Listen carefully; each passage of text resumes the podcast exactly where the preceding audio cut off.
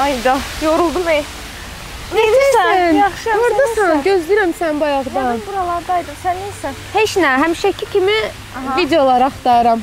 Nə etmək lazımdır? Araşdırma eləyirəm. Sən nə edirdin? Axtarıb elə eləmişdin. Yo, mən də hələ ki bu, həftə işin axtarmamışam. Sən də tapmısan?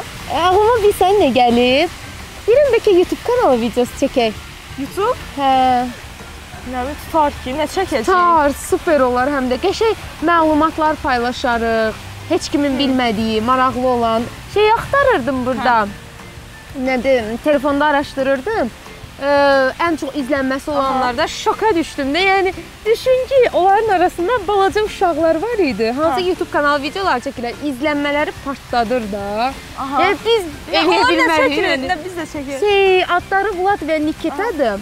Ə, Hal-hazırda indi onların Vladın 8 yaşı var, Nikitanın da 6 yaşı var. Təsəvvür elə bunlar necə başlayıblar. Vlad balaca olanda anası onunla ə, videolar çəkirmiş.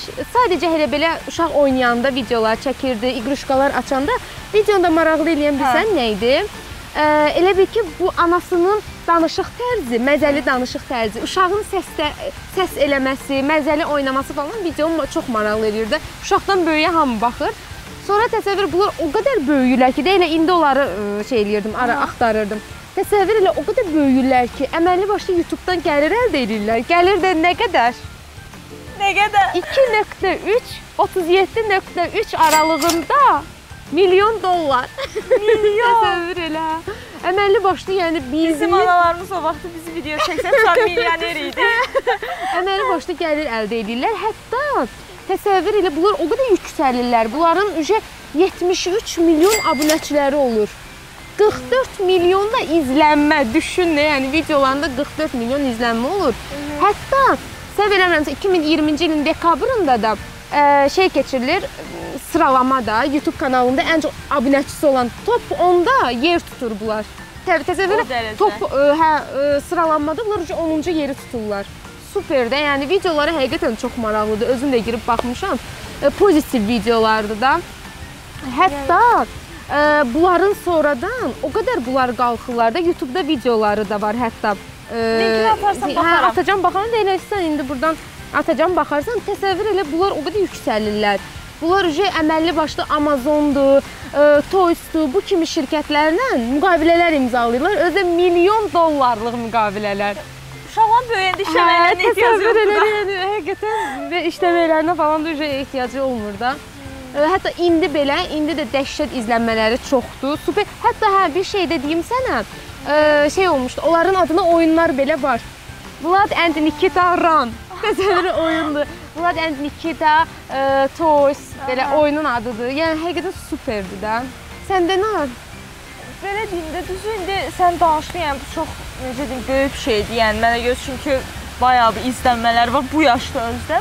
Amma yəni biz daha çox xaricə falan müraciət edirik, belə xarici ölkələrdən danışırıq, amma həqiqətən özümüzə də dönüb baxmalıyıq. Çünki özümüzdə də var belə, hətta yəni ya- az yaşda və çox danışmayım da, yəni istəyirəm onun özünü bura dəvət edim, qoy elə özü danışsın. Qonaq var. Özü danışsın. surprise.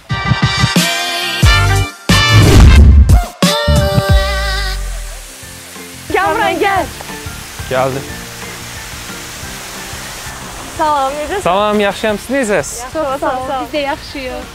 Sən nə var, nə yox, işlər necə gedir? Şükür Allah, hər şey yaxşıdır. Sizdə necə gedir Bizdə işlər? də yaxşıdır, çox sağ ol. Deməli, e, sən sənin haqqında ümumiyyətlə oxuyanda işin barəsində, yəni şəxsən mən öz adıma deyim ki, belə tam olaraq çatmadı. Yəni o qədər çoxdur ki sahə. Yəni baş tam olaraq başa düşmədim. Yəni fikirləşirəm ki, məncə belə izləyicilərə də qaranlıq qalan məqamlar var. Ona görə e, sadə dillə, yəni bizi başa düşəcəyimiz dildə nə işlə məşğul olduğumu açıqlayardım. Ə, Özümü təqdim eləyim. Kamran Qasımov, ə, Derbon Texnologiyalar şirkətinin ə, həm təsisçisi, həm də icraçı direktoruyam. Eyni zamanda robototexnika üzrə mütəxəssis, proqramçı və 2D 3D qrafik dizaynerəm. Bu rəsmi ə, olan hissəsidir. İndi gəlin qeyri-rəsmi hissəsinə keçək. Ə, Mən belə deyək, prosesləri avtomatlaşdırıram. Ümumiyyətlə bu proqram təminatı ilə olsun, istərsə də cihaz təminatı ilə. Məsələn, hər hansı bir probleminiz varsa, o problemi həll etmək üçün xüsusi bir cihaz hazırlayıram və yaxud da bir xüsusi bir proqram təminatı hazırlayıram ki, o e, belə deyək probleminizi həll eləsin. Və yaxud da hər hansı bir ə, belə deyək, insan əməyinə əsaslanan bir iş varsa, onu mən avtomatlaşdırıram ki, yəni insan əməyinə əsaslanmasın, artıq kompüter onu ə, belə deyək, qısa bir müddətdə və effektiv şəkildə ə, icra Praktik etsin. sözümlə yəni. Bəli, bir növ praktik çözümlər tapırıq. Bir də soruşmaq istəyirəm ki, yəni gənc yaşda bu qədər uğur qazanmaq yəni hər adamın işi deyil. Həqiqətən çox, yəni super və çox böyük bir şeydir. Elə bir anlar olur, belə çox, yəni sənə çətin gəlir, əl çəkmək istəyirsən. Yəni belə deyim də sahəndən, ümumiyyətlə bu məşğul olduğun sahədən olur elə bir an. Ümumiyyətlə belə deyim, məşğul olduğum sahə həqiqətən çox çətindir. Ə, Yəni mən də elə bu sahəni ona görə sevirəm ki, çox çətindir. Onlara super bir oyun örnəksən. Həqiqətən düşünürəm ki, ə, tövsiyələrin də hər bir gənc üçün super bir məsləhətlər, tövsiyələrdir. Təşəkkür edirik həqiqətən. Çox təşəkkür edirik. Siz də çox sağ olun. Yəni sizin də gördüyünüz belə deyək az iş deyil. Siz də belə deyək gənclərin inkişafında belə deyək ə, onlara bu tipli məlumatları çatdıraraq çox böyük kömək olmuş olursunuz. Mən də ona görə sizin hər birinizə təşəkkür eləmək istəyirəm. Çox sağ olun. Çox sağ olun.